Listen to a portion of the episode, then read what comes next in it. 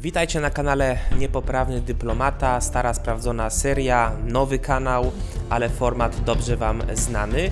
E, dzisiaj porozmawiamy o bardzo istotnej sprawie, a mianowicie konfrontacji pomiędzy Stanami Zjednoczonymi a Chinami, e, która coraz mocniej e, spędza sens powiek ekspertom do spraw bezpieczeństwa, bowiem faktycznie w powietrzu wisi ryzyko destabilizacji, szczególnie w rejonie Indo-Pacyfiku. A dzisiaj naszym gościem jest Kacper Knochowski, E, ekspert, analityk Instytut Prawa Wschodniego. Witam Cię, Kacprze. Witam Cię, Tomku, witam Cię, Miłoszu i witam szanownych słuchaczy. Dzięki, że do nas e, dołączyłeś, a odcinek razem ze mną poprowadzi Miłosz Sowa, który specjalnie z Deep Southu przyjechał e, tutaj do Warszawy, także wiecie, jakie poświęcenie dla Was. A my jednego wąsacza zamieniliśmy na drugiego, bo tamten chciał za dużą pensję, więc wyleciał i teraz, i teraz tutaj Kacper przejmuje stery, nie? E, a mówiąc już całkiem na poważnie, bo temat jest poważny i szczególnie patrząc na wschód, na to, co się dzieje na Ukrainie, e, możemy mieć obawy, jeżeli chodzi o to, że te zagrożenia, ryzyko konfliktu potrafi przerodzić się w realną, gorącą wojnę. Te zimne starcia, zimnowojenne mogą niestety e, przerodzić się w konflikt prawdziwy, otwarty mm, i to jest zawsze realne ryzyko. I moje pierwsze pytanie mm, dotyczy i Chin, i rywalizacji amerykańsko-chińskiej, ale też tego, co się dzieje na Ukrainie, e, bo coraz częściej eksperci, a także politycy w Stanach Zjednoczonych mm, podkreślają taką niezdolność Ameryki do tego, aby prowadzić wojnę jednocześnie na dwóch frontach, to znaczy na froncie tajwańskim, przeciwdziałać potencjalnej inwazji Chin i jednocześnie wspierać Ukrainę na froncie wschodnim, jakkolwiek by to nie brzmiało, ale na froncie walki o ukraińską niepodległość przeciwko imperializmowi rosyjskiemu. Czy Ameryka Twoim zdaniem jest w stanie dalej tak mocno kontynuować te wysiłki na obu tych polach? Według mnie dalej jest w stanie kontynuować na wielu polach, y, ponieważ Stany Zjednoczone no jednak są tym światowym mocarstwem, są supermocarstwem od y, już 1945 roku, kiedy, kiedy właśnie skończyła się II wojna światowa i dalej odgrywają kluczową rolę w stosunkach międzynarodowych. I wracając właśnie do tego, czy są, tak są, bo tutaj mamy z jednej strony właśnie Ukrainę i Stany Zjednoczone, jako największe y, państwo w sumie w Sojuszu Północnoatlantyckim wspiera Ukrainę, czy to finansowo, czy to też y, zapewniając y, wszelkiego rodzaju dostawy broni, dostawy różnego rodzaju sprzętu takiego opancerzenia, a z drugiej strony, tak jak teraz możemy w sumie zauważyć, miała miejsce wizyta Antonego Blinkena w Pekinie. No i również tutaj są prowadzone bardziej takie kanały dyplomatyczne e, w kontekście utrzymania tego statusu, który aktualnie jest, status quo z, z Chinami, ale z drugiej strony również chcą współ, współpracować z Tajwanem, który jest jednak kluczowym partnerem gospodarczym dla Stanów Zjednoczonych, jeśli chodzi o chipy oczywiście. No dobra, jeżeli już wspomniałeś to ogromne amerykańskie zaangażowanie w pomoc finansową, logistyczną, zbrojeniową dla Ukrainy, to ja przywołam słowa Donalda Trumpa, no jednego z najpoważniejszych teraz pretendentów do wprowadzenia się do gabinetu owalnego, e, rywali, którzy mogą Bidenowi realnie rzucić e, rękawice i, i przejąć Biały Dom. No on stwierdził, że właśnie w obliczu tej perspektywy pod tytułem musimy wspierać Tajwan i rozpościerać amerykański parasol ochronny właśnie nad wyspą tajwańską, Ameryka powinna działać w taki sposób na arenie międzynarodowej, aby to europejskie kraje Zachodu wzięły na siebie większy ciężar odpowiedzialności za Ukrainę. To jest narracja Trumpa. I y, analizując sondaże, mam wrażenie, że do wielu Amerykanów ta narracja coraz bardziej trafia, że to jednak jest konflikt w Europie, daleko od wybrzeży amerykańskich. W związku z tym nie może być tak, że Zdecydowanie największą część tego wysiłku finansowo-militarnego ponoszą Amerykanie, e, a może jednak Francuzi i Niemcy powinni się bardziej zaangażować.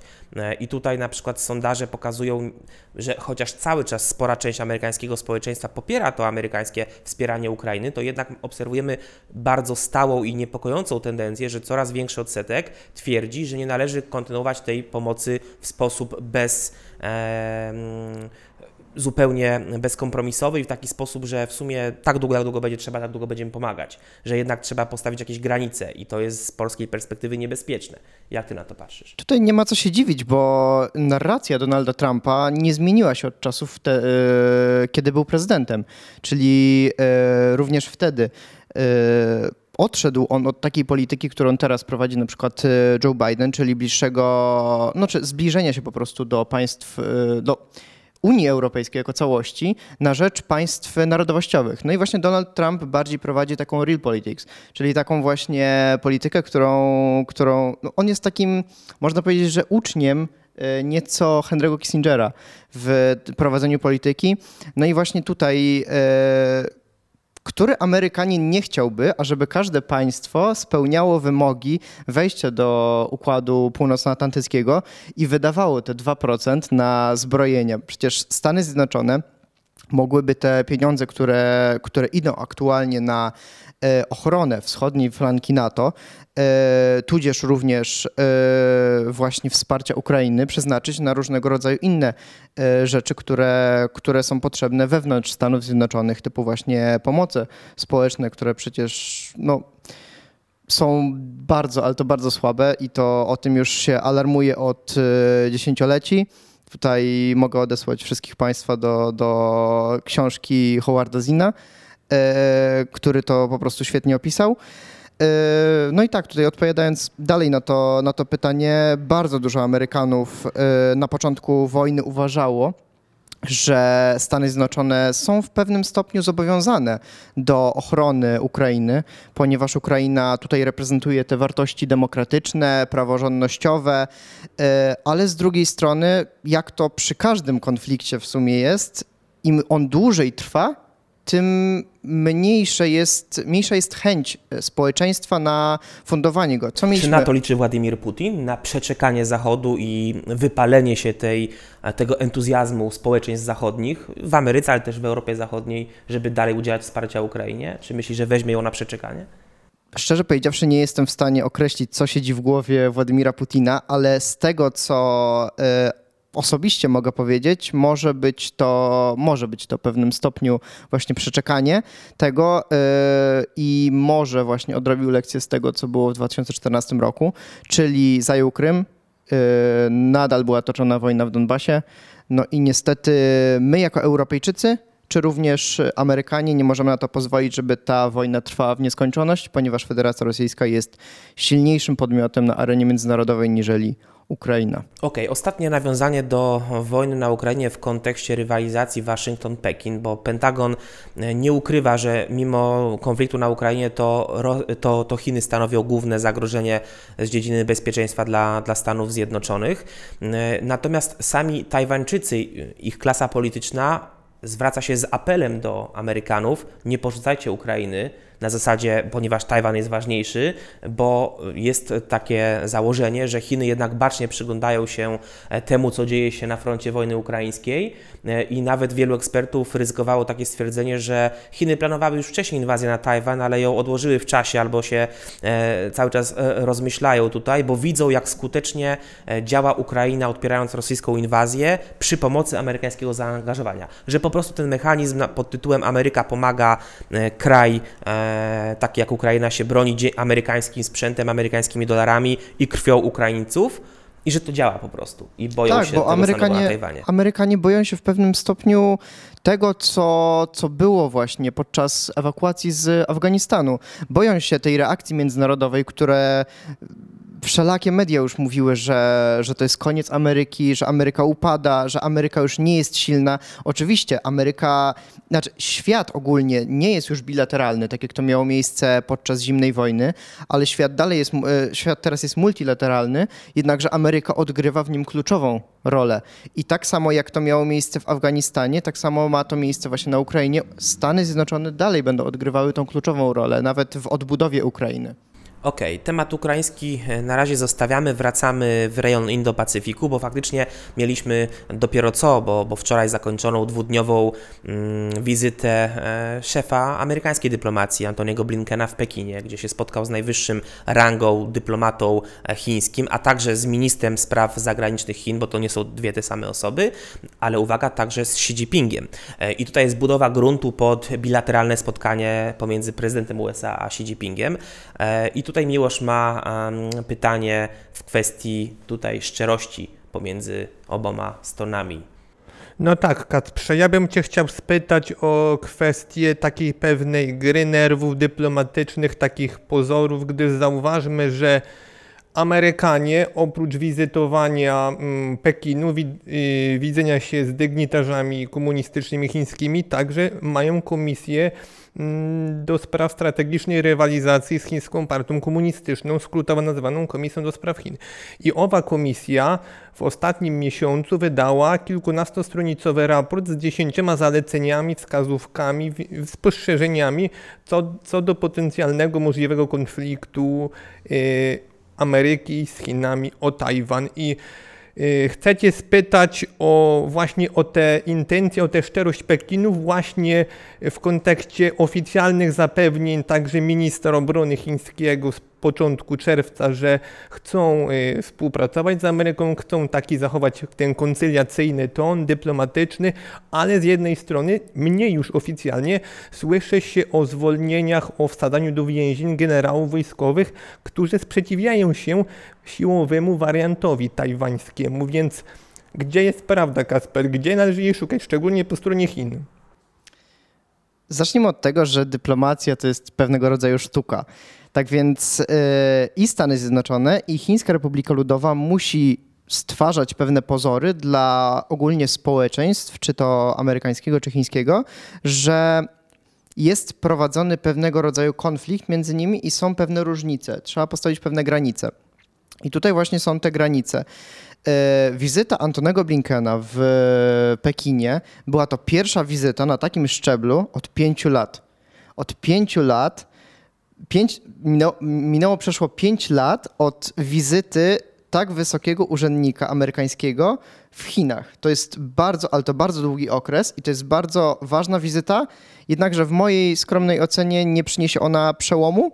Będzie ona pewnego rodzaju mm, może utrzymaniem takiego statusu, który aktualnie jest, może troszeczkę ochłodzenia tego, tego konfliktu, który, który aktualnie przeżywamy, ponieważ stosunki amerykańsko-chińskie są mocno nadszarpnięte przez e, na przykład e, balony latające nad terytorium Tutaj Stanów tylko Zjednoczonych. Ci przerwę i przypomnę, że według badań Pew Research Center właśnie w kwestii tych relacji amerykańsko-chińskich e, aż 47% Amerykanów twierdzi, że te napięcia między Chinami a Tajwanem są bardzo poważnym problemem dla Stanów Zjednoczonych i to jest wzrost aż o 19 punktów procentowych od lutego 2021 roku. Także faktycznie amerykański suweren także dostrzega, że sytuacja powoli się wymyka spod kontroli. Tak, dlatego też właśnie ten wektor, jeśli chodzi o politykę zagraniczną Stanów Zjednoczonych z Europy, tak jak to miało miejsce podczas e, zimnej wojny, jest teraz skierowany na obszar Indo-Pacyfiku, jak to mówią, e, jak to mówi wiele ekspertów, no jednak ten XXI wiek będzie wiekiem Azji. No i tak się faktycznie staje. Chiny stają się, Chiny e, od lat 80. poprzedniego wieku stały się po prostu, zaliczyły taki progres, jeśli chodzi o, o, o, gospodarkę, że żadne państwo tak na świecie nie, nie przeżyło takiego rozkwitu. E, co ciekawe, taką ciekawostkę tylko podam, że drugim państwem jest właśnie Polska. Tak, tak, znam ją. Tak, właśnie, właśnie tutaj warto jest przytoczyć taki, taki patriotyczny tutaj akcent. E, no i tak, tutaj jeśli chodzi o kwestię tajwańską, Tajwan jest ważny dla Stanów Zjednoczonych z jednego bardzo ważnego aspektu. Aspektem aspekt ten jest oparty na gospodarce. Gospodarka y, tajwańska, czyli Republiki Chińskiej, jest oparta na przemyśle wysokich technologii. A jak wiemy, XXI wiek to jest po prostu wiek wysokich technologii. Wszystko teraz. Y, zacznijmy od tego. Tajwan produkuje chipy. No i te chipy właśnie są wykorzystywane we wszystkim. Dajmy na to właśnie mikrofony, na których dzisiaj rozmawiamy. W mikrofonach są chipy. Dajmy na to aparat. w aparacie również są chipy. Dajmy na to komputer, na który jest zgrywany nasz dźwięk, również ma chipy. Samochody, prze, e, przemieszczamy się, autobusy, wszystko jest zelektryzowane, dlatego przemysł ten, który posiada Republika Chińska, po prostu jest potrzebny Stanom Zjednoczonym, ażeby dalej się rozwijać w tym, w tym świecie wysokich technologii. No i tak jak e, jeszcze, jeszcze poruszając jeden aspekt, e, bardzo ciekawą rzecz poruszyłeś, Miłosz, ponieważ e, poruszyłeś kwestię tej komisji w Izbie Reprezentantów. Tak. I co ciekawe, nie jest ona nazywana Komisją do Spraw Chin, tylko Komisją do Spraw Chińskiej Komunistycznej Partii. Strategicznej rywalizacji, dlatego podałem ci takie skrótowe, potoczne wrażenie, no bo jej pełna nazwa jest długa i... Tak, ale właśnie, czemu, czemu akurat nie do spraw Chin, tylko do spraw Chińskiej Komunistycznej Partii? Strategicznej rywalizacji, dokładnie, dokładnie. Dokładnie. Też tutaj widać, że, że podmiotem w tej rywalizacji nie są Chiny, tylko podmiotem jest ta partia, która sprawuje u nich władzę totalitarną de facto. Czyli to jest jakby taka, taka delikatna sugestia, że gdzieś tam na perspektywie odległej jest e, obalenie komunizmu w Chinach może, tak? I dobre amerykańsko-chińskie partnerstwo za x lat do przodu, tak? Ja bym już tak daleko aż nie, nie frunął, ale, ale może, może coś takiego w niektórych e, głowach analityków, czy też e, polityków amerykańskich coś takiego bo, bo, się Bo na Kapitolu politycy dosyć często podkreślają, że ich wrogiem, rywalem nie są e, obywatele chińscy czy rosyjscy, a ta władza, która tych ludzi z jednej strony zniewala, a z drugiej stanowi dla nas zagrożenie. To Przecież jest, jest ogromny nawet drenaż mózgów, jeśli chodzi o chińskich naukowców, bo chińscy naukowcy szkolą się po prostu w Stanach Zjednoczonych i niektórzy po prostu wyjeżdżają do, do Chin, żeby tam rozwijać tę gospodarkę, a niektórzy pozostają w Stanach Zjednoczonych, ażeby tam wspierać gospodarkę. Tak więc tutaj wchodzi, wchodzi wiele naprawdę kwestii do, do, tej, do tej rywalizacji chińsko-amerykańskiej i trudno jest na jednej płaszczyźnie ją Jeśli chodzi o inwazję na Tajwan, to eksperci w Stanach podkreślają, że z jednej strony to jest dla Ameryki kluczowy partner gospodarczy, bo można by wręcz rzec, że ten podcast jest sponsorowany przez Tajwan, bo te chipy są wszędzie, tak jak Kacper powiedział. Natomiast e, to jest też istotne dla wizerunku Stanów Zjednoczonych i wiarygodności sojuszniczej, bo jeżeli dojdzie do skutecznej inwazji chińskiej na Tajwan, e, a raport Komisji do Spraw Chin i Przeciwdziałania Partii Komunistycznej e, wskazuje, że na tą chwilę jest jeszcze wiele do zrobienia w kwestii umacniania obronności i tego parasolu bezpieczeństwa nad Tajwanem. Jeżeli Chińczycy zrobią skuteczną inwazję, Amerykanie stracą bardzo mocno na wiarygodności w oczach e, swoich sojuszników w regionie. Więc z tego chociażby powodu nie mogą do tego dopuścić. Jednocześnie gry wojenne, które były robione, e, które miały przeanalizować możliwe skutki e, wybuchu tej wojny pomiędzy Chinami a Tajwanem z amerykańskim zaangażowaniem, wynikały, z nich wyniki były następujące. Ameryka jest w stanie wygrać taką wojnę, ale ogromnym, ogromnym kosztem ludzkim. I tutaj chciałem trochę, trochę porozmawiać o, o tym, co Ameryka powinna powinna zrobić, bo mamy raport 10 punktów, które należy zrobić i tam jest mowa long story short między innymi o tym, że brakuje e, odpowiedniej mocy przemysłowej w Stanach Zjednoczonych, żeby produkować chociażby pociski dalekiego zasięgu, których brakuje Tajwanowi, brakuje odpowiedniego zarządzania i mechanizmów decyzyjnych na wypadek inwazji chińskiej oraz między innymi, co jest bardzo istotne, ciężko byłoby Amerykanom uzupełniać zaopatrzenie dla Tajwanu, który jest pływającym lotniskowcem, a w wypadku chińskiej inwazji byłby niemal całkowicie błyskawicznie odcięty i amerykańskiej marynarce wojennej byłoby bardzo trudno mm, tą blokadę chińską przezwyciężyć, żeby na przykład dostawy amunicji na Tajwan e, prowadzić. Co jeszcze tutaj można wymienić? E, tutaj, jeśli chodzi o takie kwestie stricte militarne, to Stany Zjednoczone robią bardzo dużo, ponieważ e, jeśli chodzi o sojusze militarne, jest, są one bardzo, bardzo, bardzo tutaj dobrze przez dyplomację e, zawiązywane. Na przykład są budowane różnego rodzaju bazy e, wojskowe, czy to na Filipinach, czy to w Japonii, czy w Korei Południowej.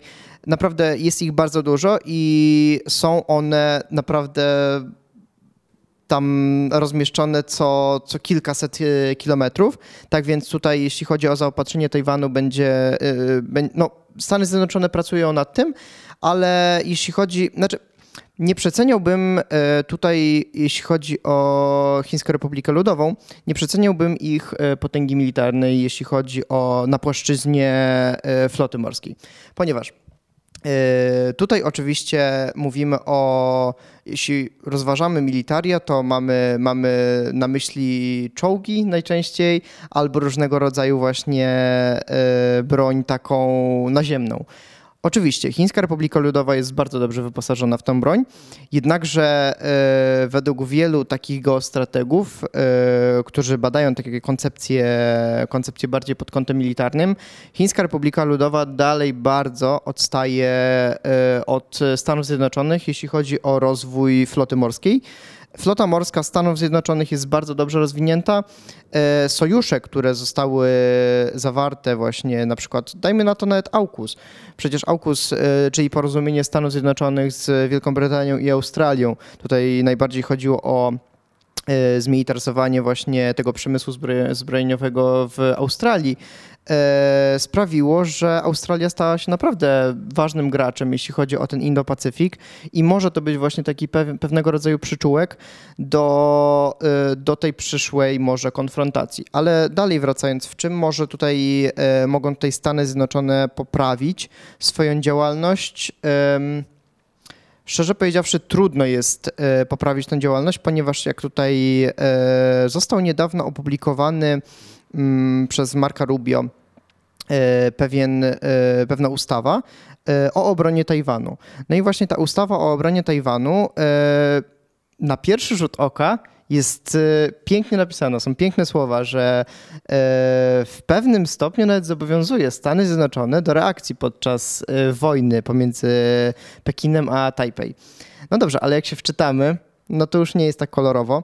I e, po pierwsze, co wyhaczyłem w niej, to Stany Zjednoczone dalej uważają politykę jednych Chin za najważniejszą, za kluczową i za jedyną słuszną, a po drugie, e, nie będzie to reakcja e, stricte militarna. Po, ten akt tak naprawdę tylko zobowiązuje Departament Obrony, Departament Handlu, Departament Stanu do informowania Kongresu o tym, e, jeśli właśnie byłyby jakiekolwiek manewry wojskowe wokół Tajwanu, e, ażeby Kongres Stanów Zjednoczonych mógł szybciej wystosować różnego rodzaju sankcje. Mhm.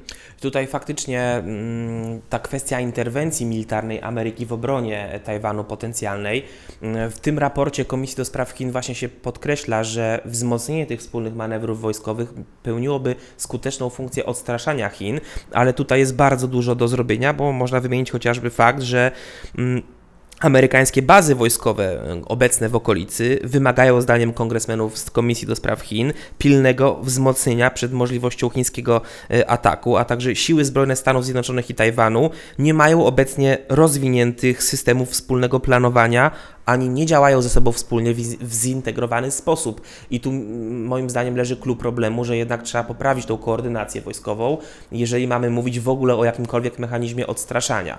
Z drugiej strony 63% Amerykanów, którzy się deklarują jako mający pojęcie o sytuacji w ciśnie tajwańskiej, uważa, że Ameryka powinna w razie W ruszyć z odsieczą Tajwanowi.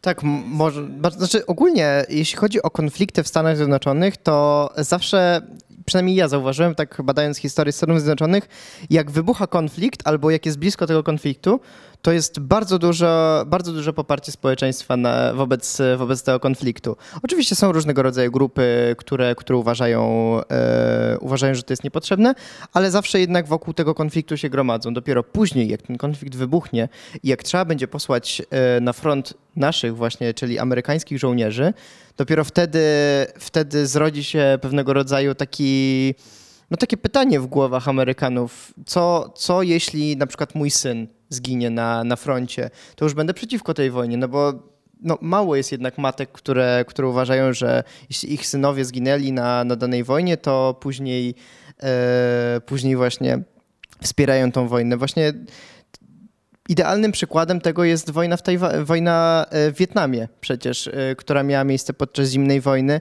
gdzie później Amerykanie w pewnym stopniu bali się o tym rozmawiać. Ale wiesz jak to mówią, drzewo wolności musi być podlewane krwią patriotów i tak, nie tutaj da też się druga strona tej wolności obronić bez, bez e, tego sacrifice i myślę, że naród ukraiński najlepiej teraz o tym, o tym może zaświadczyć. Tak, też oczywiście, oczywiście to jest też racja, dlatego tutaj no, mamy, mamy to pytanie, jak dalej będzie reagowało to społeczeństwo amerykańskie na to, na to, co się dzieje i jak dalej będą w ogóle, jak dalej establishment amerykański będzie na to reagował. No na razie widzimy, za chwilę Miłosz oddaję Ci głos, ale na razie widzimy tendencję, że jednak to poparcie amerykańskiego społeczeństwa słabnie, jeśli chodzi o wspieranie Ukrainy, ale w kwestii wspierania, przynajmniej na poziomie deklaracji Tajwanu, zarówno pośród, pośród republikanów, jak i demokratów widzimy utrzymujące się wysokie wskaźniki poparcia dla tego amerykańskiego parasola ochronnego. I ostatnie moje pytanie przed oddaniem Miłoszowi głosu. Myślisz, że Chiny faktycznie obserwują bacznie sytuację na Ukrainie i, i że skuteczność ukraińskiej armii mogła tutaj zadecydować o tym, że oni na razie nie atakują Tajwanu? Tak w jednym, jednym zdaniu? Chiny bacznie obserwują sytuację na Ukrainie, jednakże y, nie wiem, czy aż tak ścisło jest ona powiązana z tą sytuacją na Tajwanie, y, ponieważ Chiny dbają o swoje aktualne, tak naprawdę, y,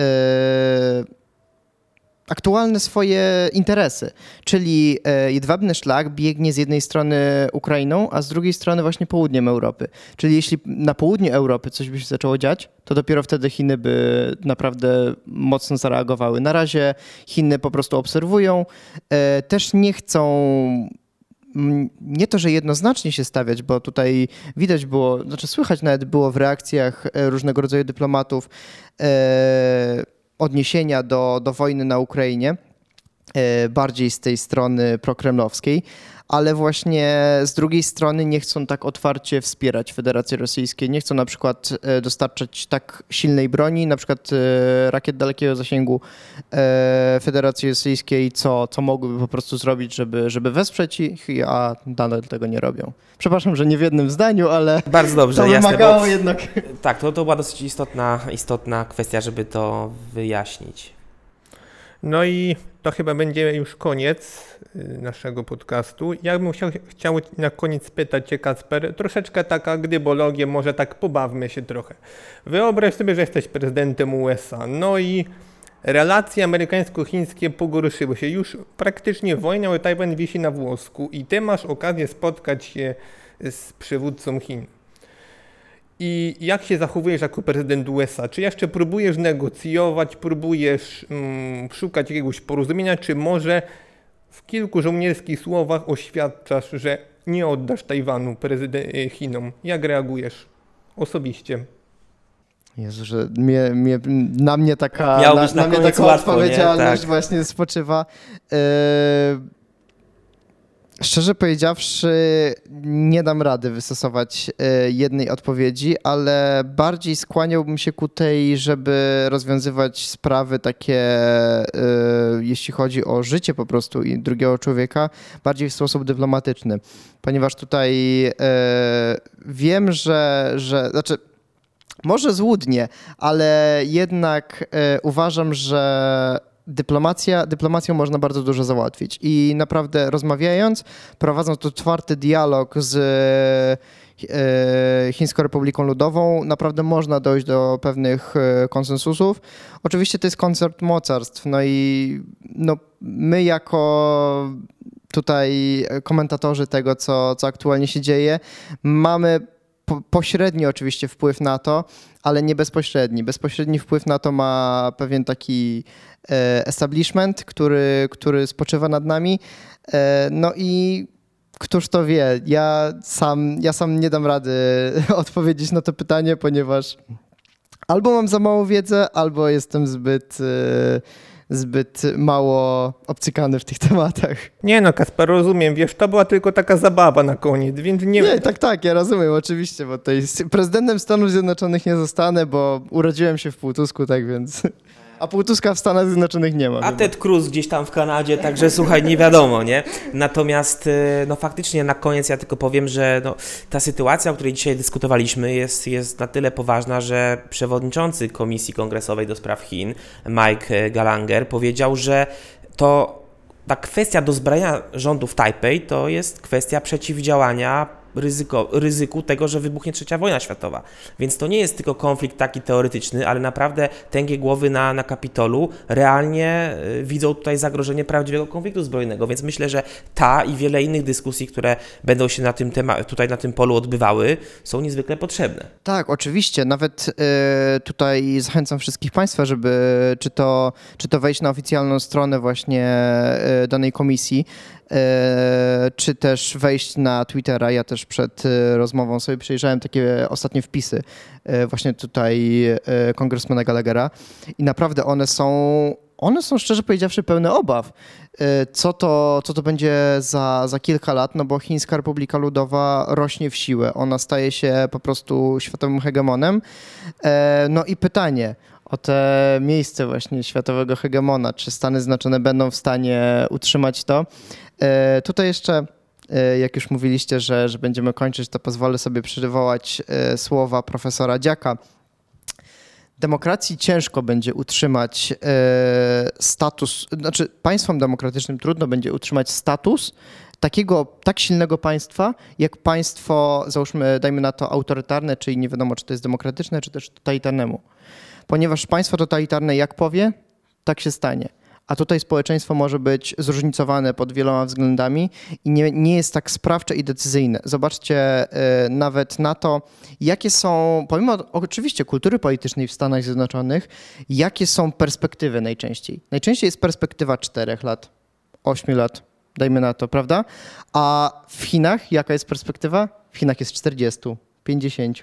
Dlatego tutaj tego, akurat ten aspekt demokratyczny ma swoje plusy i minusy. No jednak my jesteśmy oczywiście tutaj zwolennikami plusów, no bo przecież sami chcielibyśmy żyć w społeczeństwie demokratycznym, ale jeśli chodzi o sprawczość w takiej polityce, nazwijmy to hard power, no to jednak państwa autorytarne, tudzież totalitarne są, są bardziej sprawcze i niestety Chińska Republika Ludowa tutaj posiada znaczną przewagę. Także mm, to tyle na dzisiaj. Dzięki, że byliście z nami. Zostawcie łapkę w górę, komentarz dla zasięgu, a także polecajcie nasz podcast swoim znajomym. Niech się niesie. E, dzisiaj naszym gościem był Kacper Knochowski, analityk do spraw międzynarodowych. Bardzo Ci dziękujemy za obecność, a odcinek razem ze mną prowadził Miłosz Sowa. Dzięki, peace out. Trzymajcie się, cześć. Cześć.